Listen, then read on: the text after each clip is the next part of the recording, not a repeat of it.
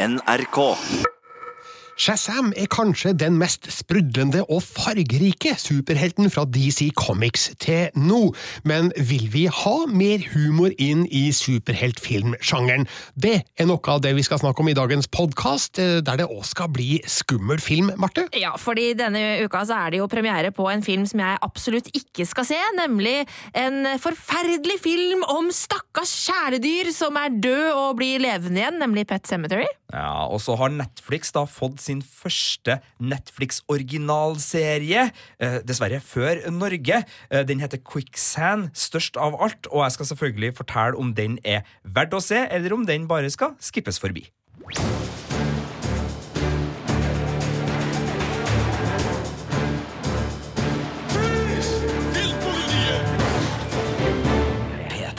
Og stemmene du har hørt til nå, tilhører Birger Vestmo. Marte Hedenstad. Og Sigurd Vik. Og vi skal starte med Shazam, en ny figur fra universet til DC Comics, som er et tegneserieselskap i direkte konkurranse med Marvel, og har andre kjente superhelter som for eksempel Batman, Supermann og Wonder Woman i stallen sin. For ikke å glemme hele Justice League, da, inkludert Aquaman. Ja, for det her er DC Extended Universe. Det her er ikke en sånn standalone-film som er utenfor det universet. Det her er en eh, Shazam som kan dukke opp plutselig sammen med Aquaman eller Wonder Woman i en kommende film, hvem vet, og er da motstykket til Marvel sitt Cinematic Universe, hvor du ikke finner Venom, Deadpool og X-Men. Nei da, det er der du finner Avengers-gjengen. Så det er liksom franchise versus franchise, og Shazam da er komedien som er siste tilskudd på DC Universe-stammen. Okay, let's do this. How do we do this? Just, um, just like Superman it. I got, obviously you have to jump. Come on. How is any of this obvious? Okay. Try uh, to believe that you can fly. Okay, I read this deep dive into peer reviewed studies about superpowers, and in 6 out of 10, belief is the key. Believe, believe, believe. Okay, okay. I believe I can fly. I believe I. I believe I can fly.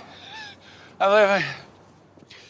Shazam er en morsom film. Det kan sies med en gang. Jeg liker humoren vi blir presentert for uh, i dette universet, og jeg liker figuren Shazam.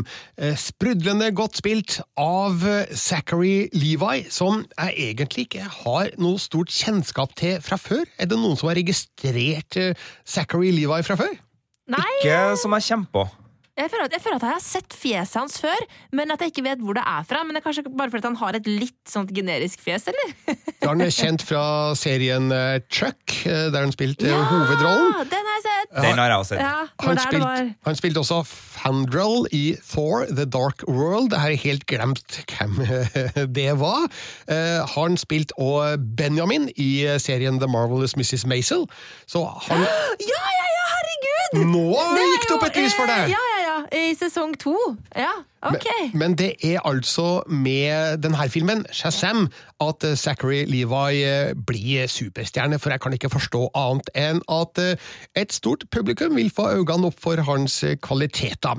Det her er nemlig en veldig popkornvennlig film, og alle sammen skjønner hva som ligger i det begrepet, eller? At man må ha en svær bøtte popkorn når man ser filmen, for det her er sånn skikkelig eh, Altså, bare artig underholdning som man bare kan sitte og fråtse mens man ser på.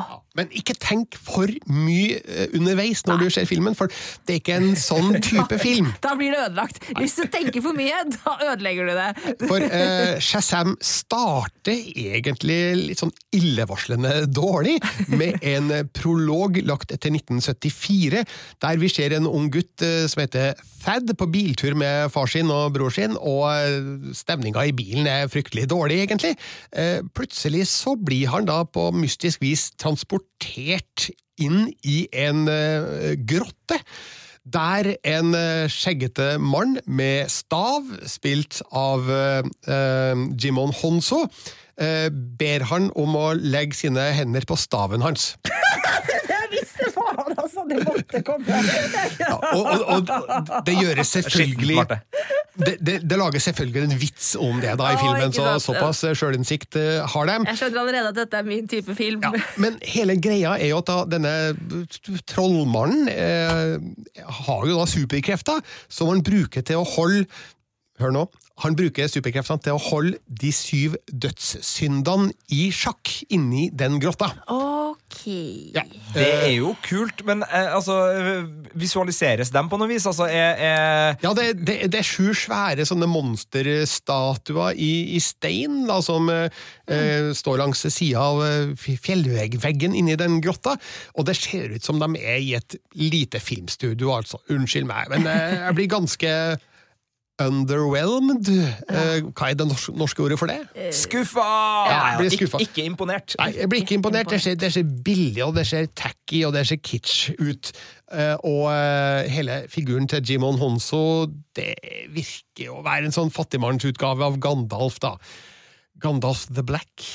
Går det an å si det? Ja, i hvert fall. Eh, Syns er en dårlig åpning av filmen, og da tenker jeg at hva skal nå det her bli? Men heldigvis så hopper jo da filmen fram til nåtid, der vi stifter bekjentskap med Billy, spilt av Asher Angel, som er en eh, barnehjemsgutt som blir sendt til en ny fosterfamilie. Eh, han prøver jo å finne seg til rette hos denne fosterfamilien, da, og blir litt sånn kompis med den ene gutten som bor der, nemlig Freddy. Og så skjer det utrolige en dag på T-banen. Han blir også transportert til denne grotta med denne skjeggemannen med stav, og får tilbudet om å overta hans superkrefter fordi han har begynt å bli gammel og grå.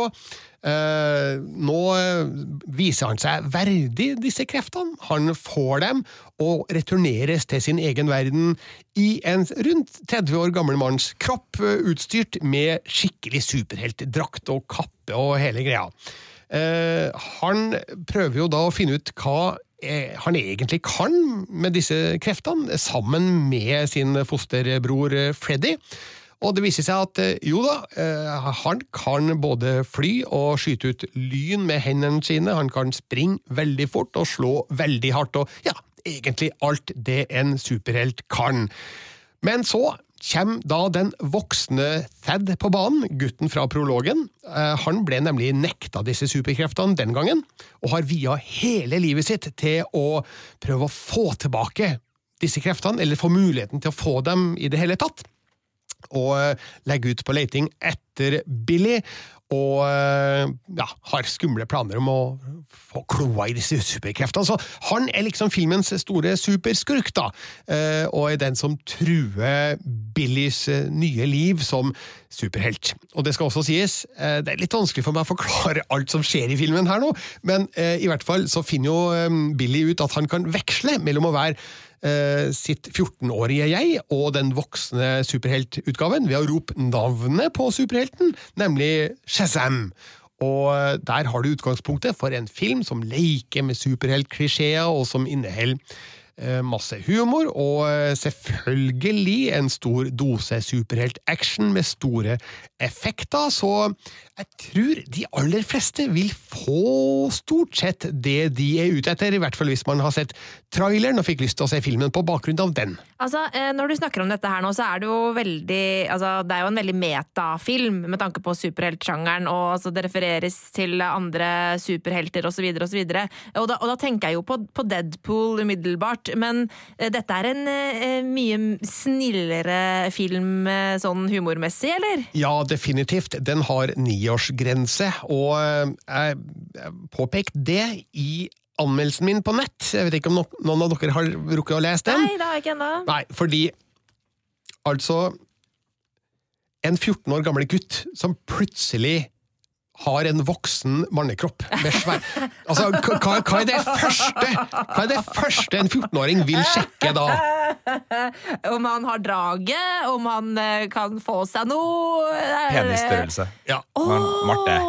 Ok, sånn. Jeg tenkte at han skulle få seg noe, jeg. Nei, altså, det er størrelsen på det størrelsen, utstyret der nede. Jeg er garanterer deg Nei, du er ikke mann. Jeg garanterer deg, det er det første man ville ha sjekka. Eh, Det gjøres aldri et forsøk på å en gang Jeg skjønner. eh, erkjenne at eh, det kanskje er et poeng her. Okay. Ok. Så der eh, feiler filmen egentlig på eh, et eh, humorpoeng eh, som godt kunne ha vært med i en film med litt eh, større aldersgrense. Ja, Og kanskje ikke noen referanser til filmen Big med Tom Hanks fra det glade 80-tallet heller? Skuffen der også, Birger! Eh, Den, den gjør faktisk eh, det, sjøl om det er referanser til Big i filmen.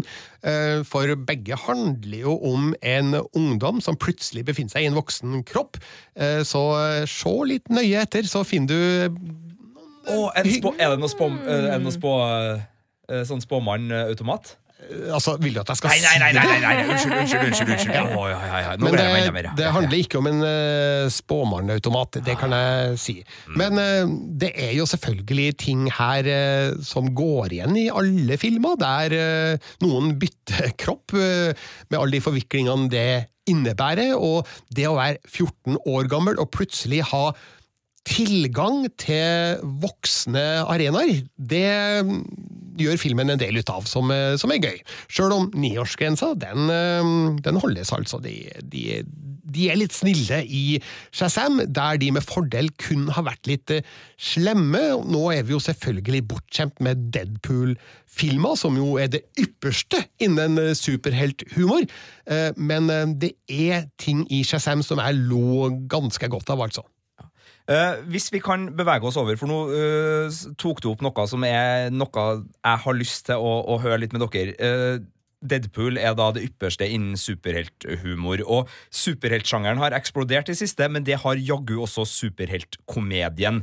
Eh, man finner det i de tydeligste eksemplene, som er Deadpool, Shazam, eh, Ant-Man-filmene til Marvel Cinematic Universe, til viss grad Thor-film nummer tre, altså Thor Ragnarok, eh, Guardians of the Galaxy, spesielt første filmen, kanskje nummer film to, og så finner man også snev av det i eksempel eh, Captain Marvel, som nå går på kino. Eh, Suicide Squad har litt av det, eh, og man finner en del av det i Aquaman, og vi kan fortsette å, å ramse opp her, og det er jo ikke sånn at den sjangeren er helt ny, altså alt fra liksom Turtles-filmene på 80- og 90-tallet har jo hatt det. Iron Man var jo funny, Iron liksom. Man er litt funny, men hva syns vi, altså, er er det et metningspunkt for superheltkomedie? Altså, fordi De blir jo litt meta, veldig mange, og de skal liksom være sånn selvrefererende. Og jeg kjenner at det er jo slitasje å kjenne i det her òg. Altså, vil jeg se nok en superheltkomedie som skal liksom gjøre narr av superheltsjangeren, som allerede er litt sånn i overkant? Er, altså, er det, hvor er dere der? Uh, jeg tenker at metningspunktet det ligger der et sted, men jeg har ikke kommet helt dit ennå.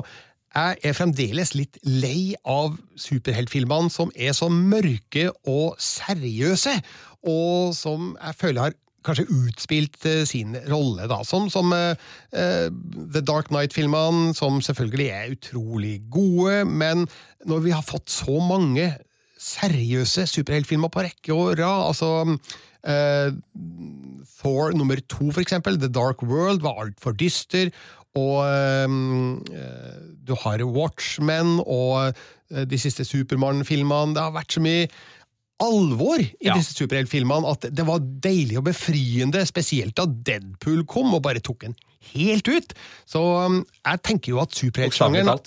Ja, Superheltsjangeren ja, han gjorde det. Superheltsjangeren har en sånn iboende, grunnleggende latterlighet ved seg, da, som, som, som disse humorfilmene erkjenner og drar nytte av, tenker jeg, da. Eh, vi, vi har jo tydeligvis eh, ikke helt eh, entes om hva vi syns artigst her, fordi eh, vi er jo ganske jevn eh, i filmsmaken til dels her i Filmpolitiet, og det er jo ikke noe tvil om at terningen den ene av oss gir, er lov. Så for eksempel da, Birger, når du gir Captain Marvel terningkast 3, så kan ikke vi rikke på det. Altså, det er som Tors, Tors hammer, det er bare du som har satt den i stein. Eh, Det har, du, det har du helt rett i. Men jeg tror nok både jeg og Marte syns den katta var Ja. veldig morsom, og jeg tror vi likte den filmen pga. komediekvaliteten. For jeg er enig, som actionfilm så er jeg ikke den beste, men jeg synes som komedie så likte jeg den kjempegodt. Ja, jeg. enig. Jeg likte den veldig veldig godt. Og jeg likte også hvordan Nick Fury fikk, komme, altså fikk en litt større rolle enn han har hatt i de tidligere filmene. da, Der han bare liksom kommet litt inn, litt inn fra sidelinja. Men nå fikk vi bli litt bedre kjent med han, eh, og han er ganske morsom. eh, Og, og også den katta. Og jeg koste meg veldig med, med Captain Marvel. Uh, bare skyte inn at den katta er jo en veldig liten del av filmen, da. Nei, jeg syns det er jeg synes, Altså, den, den har noen avgjørende scener, men eh, er jo ikke veldig mye med, sånn at jeg følte at det var feil å legge altfor stor Neida, vekt på men, den katta. Men det er ikke bare på katta. Men jeg syns, Samuel eh, Jackson jeg, jeg har en eh, veldig kul, eh, artig figur der. Og, og det er, den, den er jo en sånn typisk sånn lys uh, superheltfilm, selv om den har en del alvor i seg og har, en sånn slags, uh, har et feministisk prosjekt som er alvorlig og sånn, så, så, så er den ganske morsom. Og også Bree Larsen har jo glimt i øyet som Captain Marvel, så uh, ja, den for meg går inn i den delen av superheltsjangeren, da. Hvordan liker dere Ant-Man-filmene? For der er jo også Paul Rudd i i komedielandskapet i Marvel Cinematic Universe med comic relief og komisk sidekick også. Gi meg popkorn. Gi meg popkornet. Ja. Mm, jeg koser meg. Jeg, jeg drev jo og ga fem til den. Det var kanskje litt sånn voldsomt. Det var kanskje litt Første filmen. Jeg tror kanskje jeg ga fem til andre filmen òg. Å, herlighet. Eh, Du, jeg så bare den første og storkoste meg med den. Det Ja. var humor eh, som traff meg, i hvert fall. Jeg liker jo Paul Rudd veldig godt, så Ant-Man eh, var et friskt pust for min del. Ja, jeg synes eh, den Ant-Man 2 var ikke like bra som, som eneren, men, men Paul Rudd er jo en storsjarmør, han altså. Herregud. En Will Smith i Suicide Squad, da. Er humoren der eh, sånn som Ja, dette har vi jo krangla om uh, tidligere. Uh, jeg syns Will Smith funka som uh, Deadshot, jeg, selv om han jo bare er Will Smith. Ja, og som, som et jeg skulle si barn av 90-tallet, er jo ikke det heller, da. Eh, Som en ung voksen mann fra 90-tallet, Ja. så har jeg jo alltid likt Will Smith veldig godt. Altså, Welcome to Earth i Independence Day eh, satt jo spor i meg, så, oh, Gud, ja. så jeg har aldri greid å mislike Will Smith sjøl, når han bare er Will Smith, som han var i eh, Suicide Squad. Ja. Eh, Du ga for øvrig Ant-Man and the Wasp eh, terningkast fire, Sigurd, så den kan jeg stille meg bak. Ja, Altså. ok, Det var første filmen jeg ga fem. da Ja. jeg, For jeg kjente liksom sånn, jeg så igjen Ant-Man-filmene og liksom tenkte på alle de andre terningene vi har kasta mot MCU Vi har kanskje vært litt snill mot MCU sånn opp igjennom, eh, og den er kanskje, det er kanskje en firer, den første filmen der òg. Men da, da, var, da var ikke så mange morsomme Ja, men filmer. som komedie så Ja. er- sitter den jo som støpt. Jeg syns den, jeg syns den funka der. altså. Og så syns jeg jo Thor Ragnarok er den største Mm. og beste for meg. For jeg syns Hulken, når Hulken er morsom, det er han også litt i Avengers, den første filmen. Når han bare Mm. Puny smeller bort. Ja. men, eh, men Hulken og Thor på eventyr sammen, det tror jeg er den komedien jeg har likt best. I altså sånn, som funker både som actionfilm og komedie. Bedre enn Guardians of the Galaxy? Ja. Eh, Oi, oi, å ja, jeg har den over Guardians of the Galaxy. Ja. Wow. Og jeg tror også jeg liker den bedre enn begge Deadpool-filmene. Selv om Deadpool-filmene som komedie er de beste komediene, så er ikke så mye narrativt driv i Deadpool, og så mye actionglede. Det er mye gladvold, men liksom, jeg, blir, jeg sitter ikke her og liksom kjenner på den der actiongleden som uh, rene actionfilmer kan gi, mens der syns jeg spesielt slagsmålet mellom Thor og Hulken i Thor Ragnarok var drittøft. Ja, Ja, den Så eh, scenen, altså starten der, når uh, Thor uh, står i ringen og skal kjempe mot noen han ikke vet hvem er, og så kommer hulken ut! Og det, det uttrykket i ansiktet til Thor da Yeah! Men så viser det seg at eh, han har kanskje grunn til å frykte det som skal skje Å, den har likevel. jeg Da. lyst til å se igjen, den Å, filmen! den er så fin! Herregud, den det er er så fin. Og. Jeff Goldblum er med. Ja, og han Men- er jo alt. Men- og nok en rollefigur som bare spiller seg sjøl, men som fungerer som seg sjøl. Jeff Goldblum kan spille Jeff Goldblum når som helst Yes. i min bok. Eh, tilbake til det du sa. eh, du foretrakk eh, hva foran Deadpool, sa du? Uh, Thor Ragnarok. Ja, nei, ja mm. Nei, men eh, Begge er veldig gode filmer, men for, for, for min del så er det ingenting som slår den rå humoren i Deadpool, som er av typen der du tenker What the F? Eh, Tør de virkelig det her? Og så gjør de det.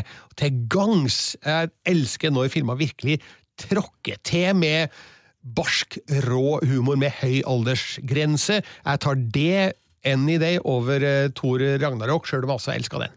Vi skal ikke tvære ut her så mye, men nå men jeg bare kom på en film som vi ikke har nevnt, og som jeg vil utfordre Birger litt på akkurat nå. For det er en film som også har humor i seg, som er en superheltfilm, men hvis eh, Spiderman. Animert sådan. Spiderman Into the Spider-Verse er jo også en superheltkomedie. Hvordan vil du rangere den kontra Deadpool? Er de jevnbyrdige, eller altså, som, som filmer? Eh, altså, det er nesten litt vanskelig å sammenligne dem, fordi eh, den ene er jo en spillefilm, den andre en animasjonsfilm. Eh, og den forteller jo eh, historier som er mynta på litt sånn ulikt publikum. Men Into the Spider-Verse har jo mye mer varme i seg, som eh, gir oss eh, et virkelig eh, Altså, Vi bryr oss virkelig om figurene, samtidig som vi ler av og med dem. Vi bryr oss ikke så mye om Deadpool, for det er ikke en sånn type film. Men jeg tenker jo at skulle jeg ha valgt en av de, så har jeg selvfølgelig helt klart gått for Into the Spider-Verse har bare sett den én gang, og elsker jo tanken på at den snart er tilgjengelig på Blu-ray, sånn at jeg kan se den en gang til. Da tenker jeg at vi må oppsummere min eh, anmeldelse av eh, Shazam, fordi vi må tilbake til den var den vi starta med. Og jeg tenker at eh, jeg elsker figuren. Jeg syns Zachary Levi er veldig god i, i rollen. Jeg liker samspillet mellom eh, han og eh, fosterbroren eh, Freddy, som da spilles av Jack Dylan Grazer. Jeg liker også den unge versjonen av Billy Skråstek Shazam, spilt av Asher Angel. Det, det jeg ikke liker, er Mark Strong i rollen som Thad, altså superskurken, for han er til vanlig en god skuespiller, og han har jo et veldig så markant utseende, men han har lite å spille på i Shazam, og blir faktisk en litt sånn kjedelig superskurk, og det er nesten litt utilgivelig at de, de har en så eh, blass skurkefigur i en så fargerik film ellers. Ja, altså, Noe av det viktigste i en superheltfilm er jo skurken. Det må jo være en bra skurk. Ja, altså, han, han fungerer, men jeg tenker at her har filmen et stort forbedringspotensial, og nesten litt rart at eh, de har eh, tatt til takke med en ganske A4-ish eh, skurk, så mm, der kunne filmen ha vært bedre, og det er derfor jeg har gitt Shazam i hermetegn bare terningkast fire, på grunn av dårlig skurk, og på grunn av en ganske tøysete og tøvete bakgrunnshistorie, da, som som vi blir um, fortalt før vi stifter bekjentskap med sjølve Shazam-figuren. Så terningkast til fire til Shazam. Det betyr at uh, man bør jo selvfølgelig innfinne seg på kino. Uh, det er ikke den beste filmen man noen gang har sett, men uh, som jeg var inne på tidligere, popkornfaktoren er høy.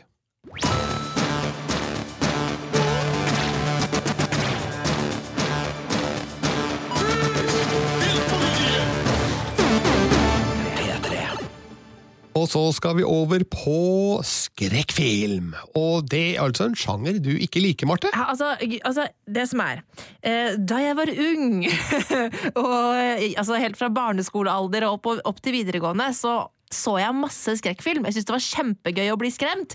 Men problemet mitt er at eh, jeg blir ikke bare skremt når jeg ser filmen. Jeg er da eh, mørkeredd og redd for å være alene hjemme i mange måneder eh, etterpå. Eh, og, og det er jeg lei av å, å bli, så derfor har jeg slutta å se det. Ja. Nei, åssen skal vi forholde oss til det, Sigurd? Altså, sant? Nei, det, altså jeg mener jo at Da er du heldig, da får du jo maks ut av uh, skrekkfilmen du ser. Altså, jeg, Det er kan jo- ikke, jeg kan ikke være sånn hvis, hvis jeg er alene hjemme, så må jeg ha på lyset når jeg legger meg og sånn. Det går ikke. Så derfor har Nei, det er enøkmessig helt forferdelig. Ja. å se det. Men eh, kan du være med å snakke om skrekkfilm? Jeg kan være med å snakke om det. Okay. For det skal handle om Pet Cemetery, som er en av ukas kinopremierer. Basert på en Stephen King-roman fra 1983, eh, som ble filmatisert for første gang i 1989 i regi av Mary Lambert. Nå er det altså klart for en nyinnspilling, og den skremmer like godt som originalen. There's a place rage deep in the woods, beyond the pet cemetery. Brings things back. Are you happy, Mommy?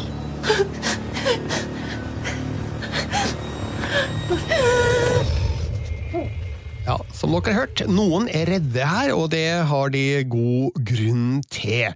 For de som ikke har kjennskap til Pet Cemetery, så handler det her om en familie i denne versjonen, spilt av Jason Clark og Amy Seymetz, eh, som mor og far, eller far og mor blir det jo henholdsvis da. Eh, De flytter på landet.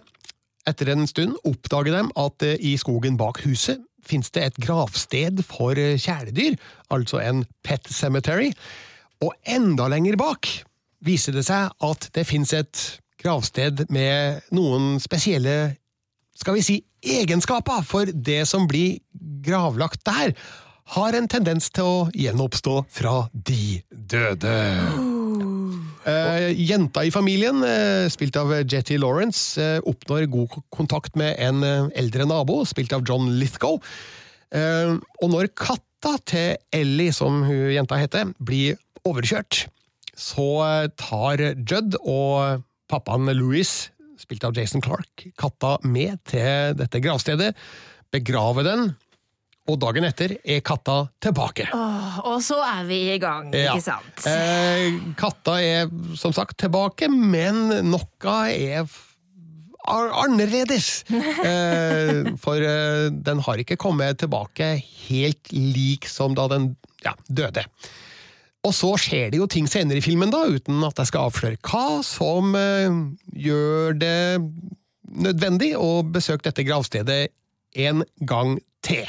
Ja, Så det her er en uh, skummel film, altså, med en uggen eh, stemning som uh, regissørene uh, tar, tar seg god tida med å bygge opp. Så ja, jeg skal ikke si at man får muligheten til å kjede seg nødvendigvis, men innen dramatikken virkelig tar til, så har vi blitt godt introdusert for både persongalleriet og omgivelsene de ferdes i. Så ja, det her er smakfullt eh, gjort, altså, og med en del scener som vil sette sånne som Marte på eh, sterke prøver.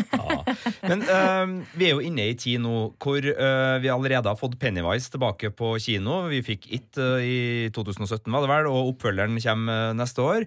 Uh, Chucky, altså Child's Play-filmene med dokka Chucky, skal uh, komme tilbake på kino senere i år. Eh, stemmelagt av selveste Mark Hamill, må vite.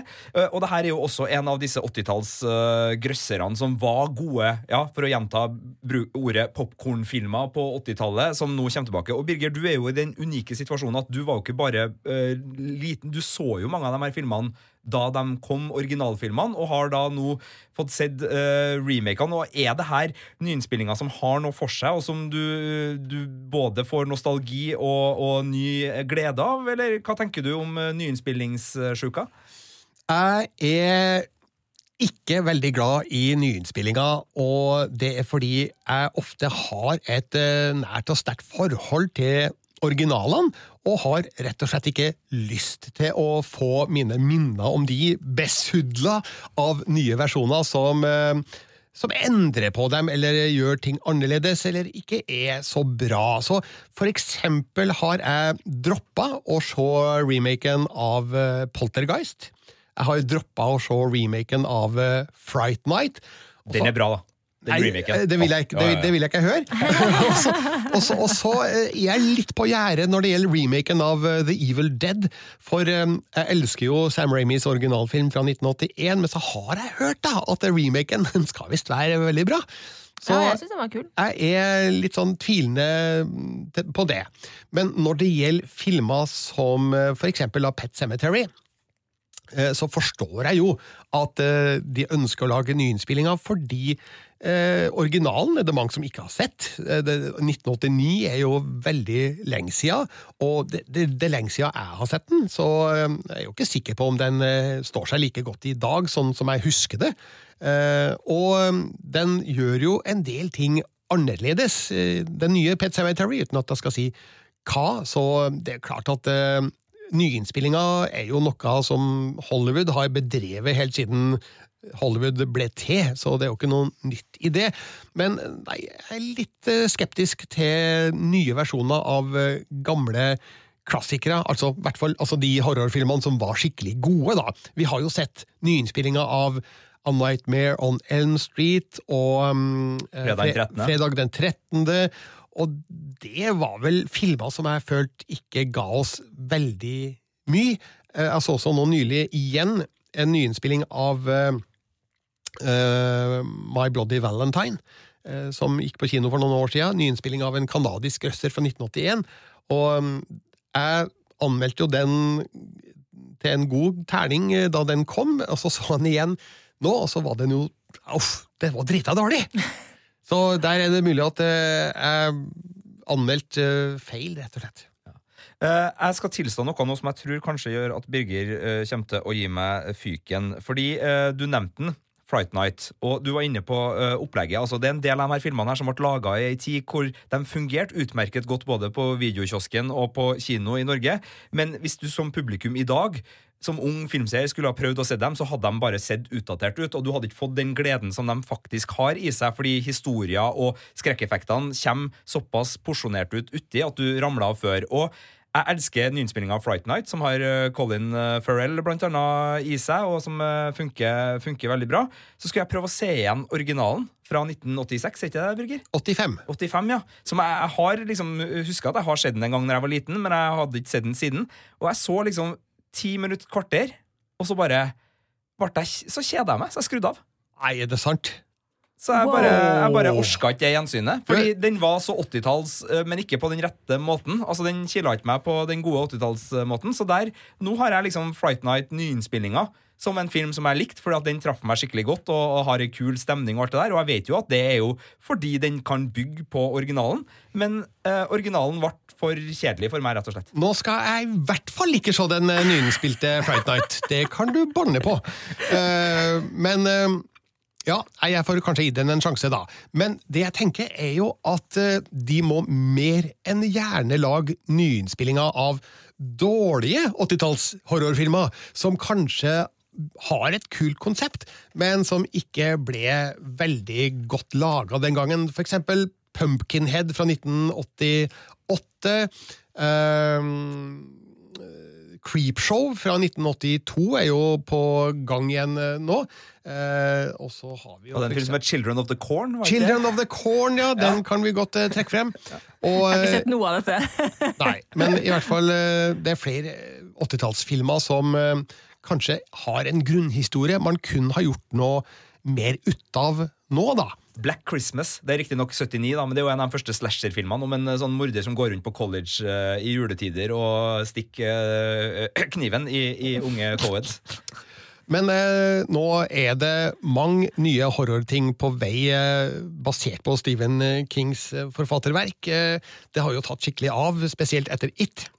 Ja, og jeg må jo si, uh, det her foregår jo i Maine, selv om det er på bygda, og det går jo rett inn i Stephen King-mytologien her, så jeg har ikke sett nyinnspillinga ennå, men uh, Castle Rock, som er en serie som uh, bygger uh, Uten at Stephen King har skrevet serien, så bygger den på liksom alle disse uh, forskjellige tingene som ligger i Stephen King-universet. Den anbefaler jeg ligger på HBO Nordic. Den fikk ikke mer enn en firer, men det er en sterk firer, og det er en god antologiserie som det sannsynligvis kommer mer av. Uh, for det er noe med at når man først begynner å lurke i Stephen King-mytologien, så henger jo hele universet hans på sett og vis sammen. Og Pennywise da fra It-filmen, og den her Pet Cemeterien, og Shawshank Redemption-fengselet, og så begynner det å bygge på seg, det begynner å bygge, og det er lett å liksom bli gira og glad i Stephen King, og plutselig så har ikke tida til å gjøre noe annet enn å lese Stephen King, se Stephen King-filmer og snakke om uh, main, uh, den fiktive main-topografien til, til vennene dine, men uh, det er absolutt et univers som har veldig mye å spille på, og serier som Stranger Things for eksempel, har jo selvfølgelig bidratt til å gi nye nostalgiske innganger til et nytt publikum inn her, så, så jeg liker det jo. Men jeg skal bare teste en ting, for uh, jeg tror at jeg kan få Marte til å se uh, denne filmen sjøl om hun ikke vil, Birgit. Ja, det, det, det tror ikke jeg. Tror ikke? Prøv. Okay, uh, hva var konseptet her igjen? Det var noe med at det var eh, dyr som noen fikk til å bli eh, raised from the dead. Skal du sånn si uh, ja. Hvis dyra dine dør, er det noe sånt Nei, nei, nei. Hva, hva kommer den neste sesongen av Game of Thrones til å handle om, tror du? Åh, Det her er jo bare The Night King i uh, Pet Cemetery-versjon. Altså, det her, er jo, det her er jo Game of Thrones, Marte! Du kan jo ikke se Pet Cemetery hvis du påstår at du liker Game of Thrones. Nei, det er det samme er greia! må du gi deg. Det er ikke det. akkurat samme greia! Nei, altså, altså, uh, nei, det er ikke akkurat samme greia. Og det er ikke Det er isbjørner som står opp fra de døde Ja, og det er kommer ikke charga mot deg i Game of Thrones creepy kid her. Og det er liksom altså, Hey, Bran ate Bran and creepy kid! Han er ikke en kid lenger. Han er jo tolv år, ifølge bøkene. Ja, altså. men se på skuespilleren. da, Ate Altså, Arja en creepy kid? Massemorder på 13? nei, hun er jo ikke altså, Ikke på den måten. Hun er ikke sånn, de er ikke skrekkfilm-creepy. Eh, og, og dyr og barn og dukker i skrekkfilmer er det verste som fins. Syns du forskjellsbehandler brutalt nå, altså? ikke se Du, jeg, jeg, jeg skal gå så langt. Marte Hedenstad, jeg sier at du er ikke Game of Thrones-fan før du har sett Pet Cemetery. er det dummeste jeg har hørt! Det, det nekter jeg å godta. Det dummeste jeg har hørt. Jeg utfordrer deg, Marte, til å se Pet Cemetery. Ok, Så skal jeg bli livredd mine to katter, da! Og Altså, kommer jeg til å, og så sånn, eh, jeg har, den ene katten pleier å vekke meg sånn i femtida. ikke Nei, Pil. Han, han pleier å vekke meg i, i femtida om morgenen, og, og så skal jeg liksom sånn eh, bli skremt, og så sånn og så slenger jeg han i veggen, og så dør han, og så blir det dårlig stemning. Så det går, det går ikke. Gjør det, gjør det, gjør det. gjør det Men hvis du velger å se Pet Cemetery, så får du en, eh, en jevnt over god skrekkfilm, altså, der eh, regissørene som heter Kevin Culge og Dennis Widmeyer, de har tatt noen gode valg. De, de holder seg ganske nært opp til originalen, eh, og det er ganske smart, egentlig, for originalen er, så vidt jeg husker, veldig god. Eh, Det eneste jeg da Jeg kan sette fingeren på et par ting, og det er at de, de finner ikke på så veldig mye nytt, da. Du har sett en sånn type horrorfilm før, og eh, når du får jump scares, eh, så er det av den typen som er ganske vanlig, og mange av jump scaresene kan forutsies rimelig raskt. Og så eh, tenker jeg at det er visse deler av historien eh, Jeg skal ikke forklare veldig inngående, fordi det er spoiler, men der eh, potensialet til en emosjonell slagkraft er enormt mye større enn det de får uttelling for da, i denne filmen. Men Like Pet Cemetery, god grøsser, terningkast fire til den, så bare å gå og se på det på kino hvis man elsker grøssere. Eh, bare ikke du, Marte. Nei, bare ikke meg. Nei. Da sier vi takk og farvel til Stephen King i denne omgangen, men vi kommer tilbake til han, for han har ca. rundt 30 forskjellige filmer eller serier i produksjon basert på hans forfatterskap. Thank you.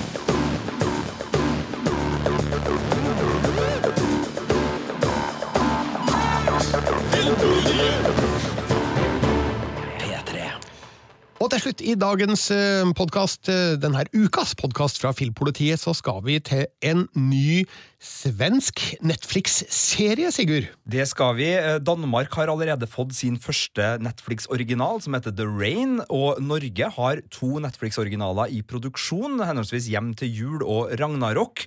Men denne uka så er det Sverige som får sin første Netflix-original på skjermen, og den heter Quicksand, størst av alt.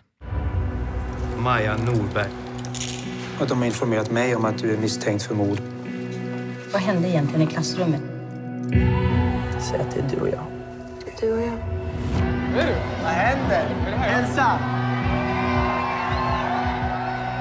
Jag trodde bara inte att du var sån som imponerades av sånt här. Hur länge har du hållit på? Men du vet hur Sebastian är. Vad säger du, Johanna? Nej men altså, Maja, du fatter verkligen ingenting. Ok, Sigurd, kan du fortelle oss eh, hva Quicksand størst av alt eh, går ut på?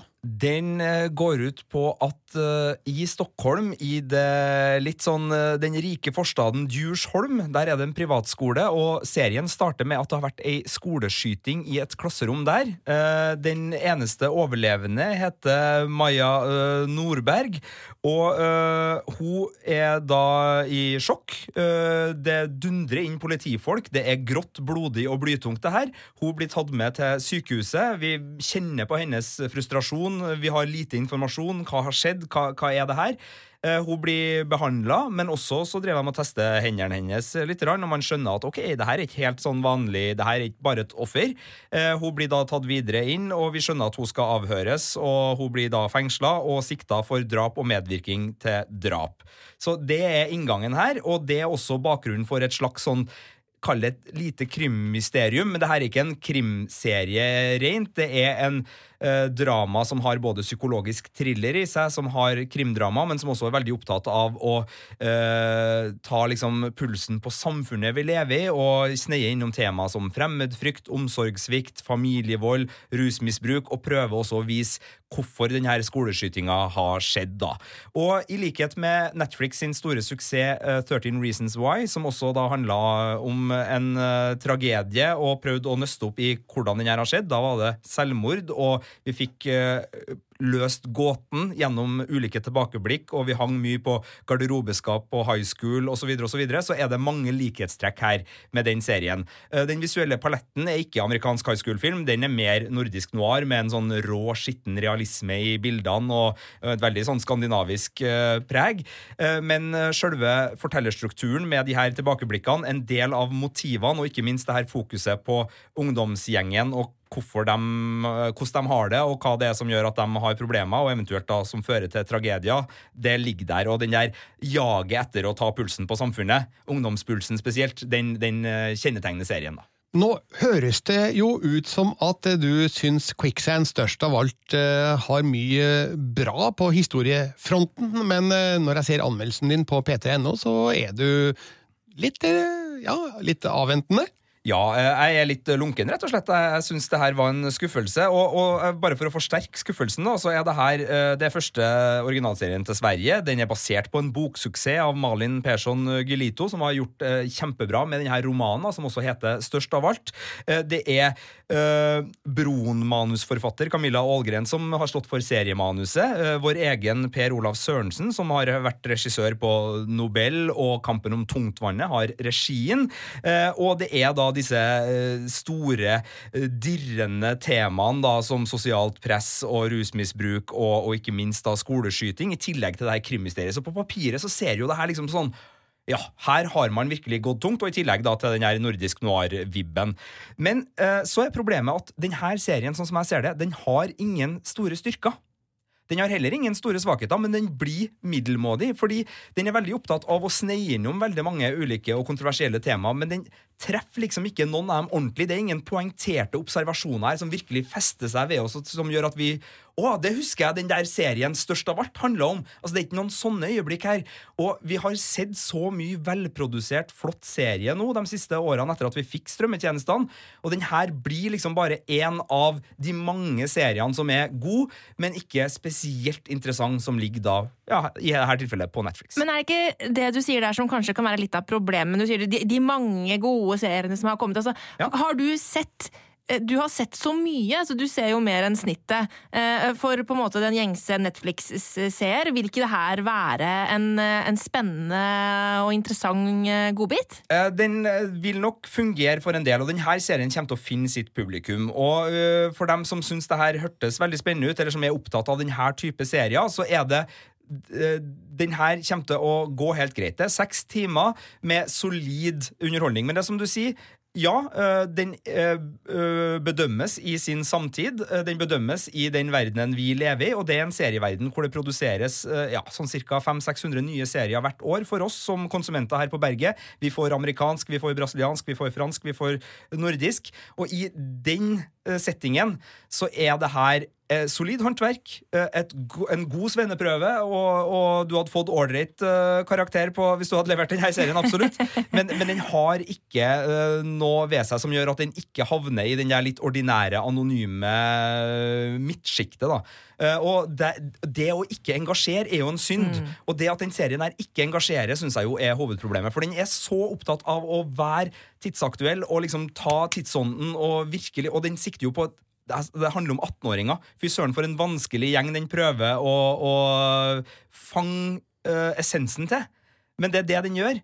Og der blir den litt generisk, uh, og, og dermed litt sånn, ja, et skuldertrekk. Men tror du Quicksand størst av alt har mulighet til å nå frem da, i det svære Netflix-utvalget? Ja, uh, jeg tror det fordi den er, altså Den her skal jo ikke først og fremst sees nødvendigvis bare i Skandinavia. Den her skal jo ut til alle Netflix-hjem rundt om i Europa. Og det har gjort til at uh, de har prioritert en del ting som jeg tror er lurt. Altså For det første så, det her er jo ikke en nordisk noir-serie i, i tema og i struktur. Altså Her er det ikke onde seriemordere og liksom store kontraster mellom natur og klinisk skandinavisk arkitektur og sånn, men de har tatt den der rå, realistiske gråblå tonen som kjennetegner nordisk noir som liksom varemerke i den store verden, og plassert som visuelt uh, filter da, på, på serien.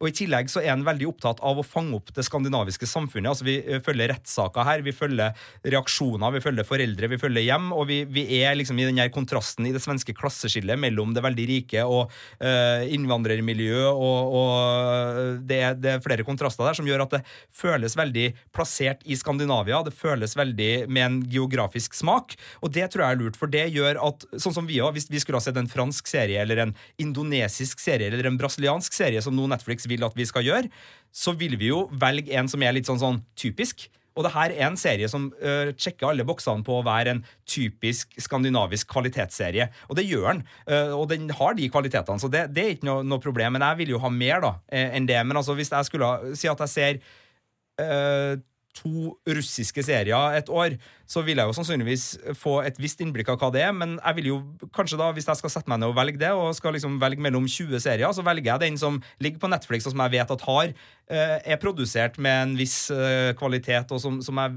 vet at jeg kommer til å liksom kunne henge med i. Fordi at det er, så, så hvis det er forbrukersegmentet de sikter på, så syns jeg de gjør mye riktig. Men det betyr ikke at oss som ser mye serier, og som har en travel seriehverdag, kommer til å bli eh, jeg skal ikke si blown away her, egentlig, fordi den handler om i skoleskyting, så beklager det, men vi kommer ikke til å bli, bli bergtatt, da. Nei. Og du har gitt eh, terningkast tre, rett og slett, ja. til Quicksand størst av alt? Det er strengt, fordi det er en serie som har veldig mye kvalitet i seg, men det går på det at eh, når den ikke engasjerer, så er det såpass alvorlig, syns jeg, at eh, den trekkes ned i treeren, som i filmpolitisammenheng betyr middel, middelmådig. Ja. Det betyr ikke dårlig. Det er toeren og eneren som betyr dårlig, så den er ikke dårlig. Eh, men den er ikke god som en firer er god. Eh, den er eh, hakket under der. Så, så, det er en sterk treer, og mange vil nok kunne kose seg med den her. Altså, så det her er ikke en sånn treer som er eh, totalt eh, en anti-anbefaling, men eh, den, den, blir fort et lite gjesp for dem som ser mye på serier. Og så syns jeg jo det er én ting til, men det her går ikke direkte på, på anmelderiet, men et poeng, da hvis nå Netflix skal begynne å bli en uh, premissleverandør for hvordan vi lager serier i Skandinavia altså Hvis det danner seg et marked der skandinavisk TV-produksjonsmiljø skal mate Netflix-serier, så håper jeg virkelig ikke at vi ender opp med å drive og mate det her mellomsegmentet som Netflix trenger A for å liksom fylle kvotene sine, for de må jo ha europeisk uh, innhold. Det er sånn er EU-reglene. De trenger en viss prosent av lokalt innhold. Uh, og B for å liksom bare vise sånn sånn generisk mangfold. sånn, Det her er en typisk norsk serie, det der er en typisk fransk serie, det er en typisk brasiliansk serie. Jeg håper at vi får til noe mer enn det. Og jeg syns jeg ser tendenser til at akkurat denne eh, serien her er valgt og plassert veldig fordi at den sjekker en del bokser, uten at den nødvendigvis har hatt det motet og den uh, skaperviljen til å, å, slå igjennom og kanskje ta noen uh, store sjanser, som må til hvis du virkelig skal lage uh, stor seriekunst i, i 2019. Så jeg håper vi får bedre serier, rett og slett. Vil du gi Quicksand størst av alt en mulighet, så ligger da de Var det seks episoder? Seks episoder. Ligger ut på Netflix. Filmpolitiet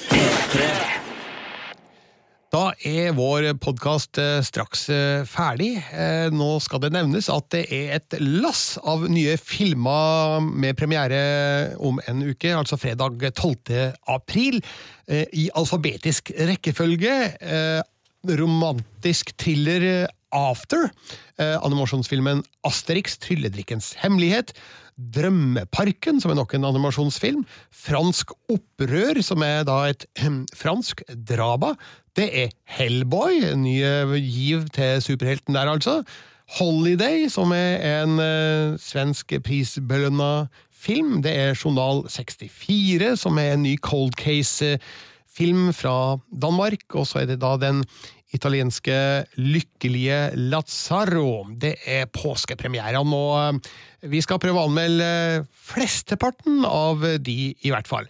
Men i podkasten om en uke, da får vi celebert besøk. Det gjør vi. Hvis uh, lykken står den kjekke bi, så blir det en påskekrimfokusert sak med selveste Sven Nordin på gjestelista. Han er aktuell med Wisting, som har premiere også neste uke. Viaplay sin eh, krim, basert på uh, Jørn Lier Horsts bokserie. Og i tillegg så har jeg sett alt av påskekrimmen da, så da skal dere få den. Og husk at du alltid kan se og lese alle anmeldelsene fra uka som har gått inne på p3.no. Denne uka er det da anmeldt eh, filmer som heter On the Basis of Sex, som fikk terningkast fire, eh, Loro, som fikk terningkast fem, og Den siste Gentleman, som fikk terningkast fem. Nevn også den andre podkasten som har sitt utspring fra vår redaksjon. Game of Thrones-podkasten har en ny episode ute denne uka, der vi tar for oss fanteorier for den kommende sesongen, og selvfølgelig også hvor vi diskuterer de tre nye promoene som kom for Game of Thrones denne uka. Og så skjer det spennende ting 9. april, som da er en tirsdag. Eh, Hva da? Da skjer det at eh, Sigurd og jeg tar oss en lita tur på John D, der vi skal ha en liveinnspilling av Game of Thrones-podkasten. Dit kommer også Ronny Bredde Aase og Hasse Hope, som er store Godt-fans, og Skår, eh, P3-artisten, hvis vi kan kalle henne det, som skal komme med en musikal eh, en musikalsk overraskelse. Eh, Og vi vil gjerne ha inn spørsmål som vi kan ta for oss i den podkasten. Den slippes selvfølgelig også som en vanlig podkast i etterkant, Eh, så hvis du har noe du lurer på eh, om eh, hva vi syns, og om hva vi tror kommer til å skje i den kommende sesongen, send det til filmpolitiet at nrk.no. Takk, Marte Hedenstad. Takk til deg og Sigurd Vik, og jeg sender jaggu en takk til meg sjøl, Birger Vestmo.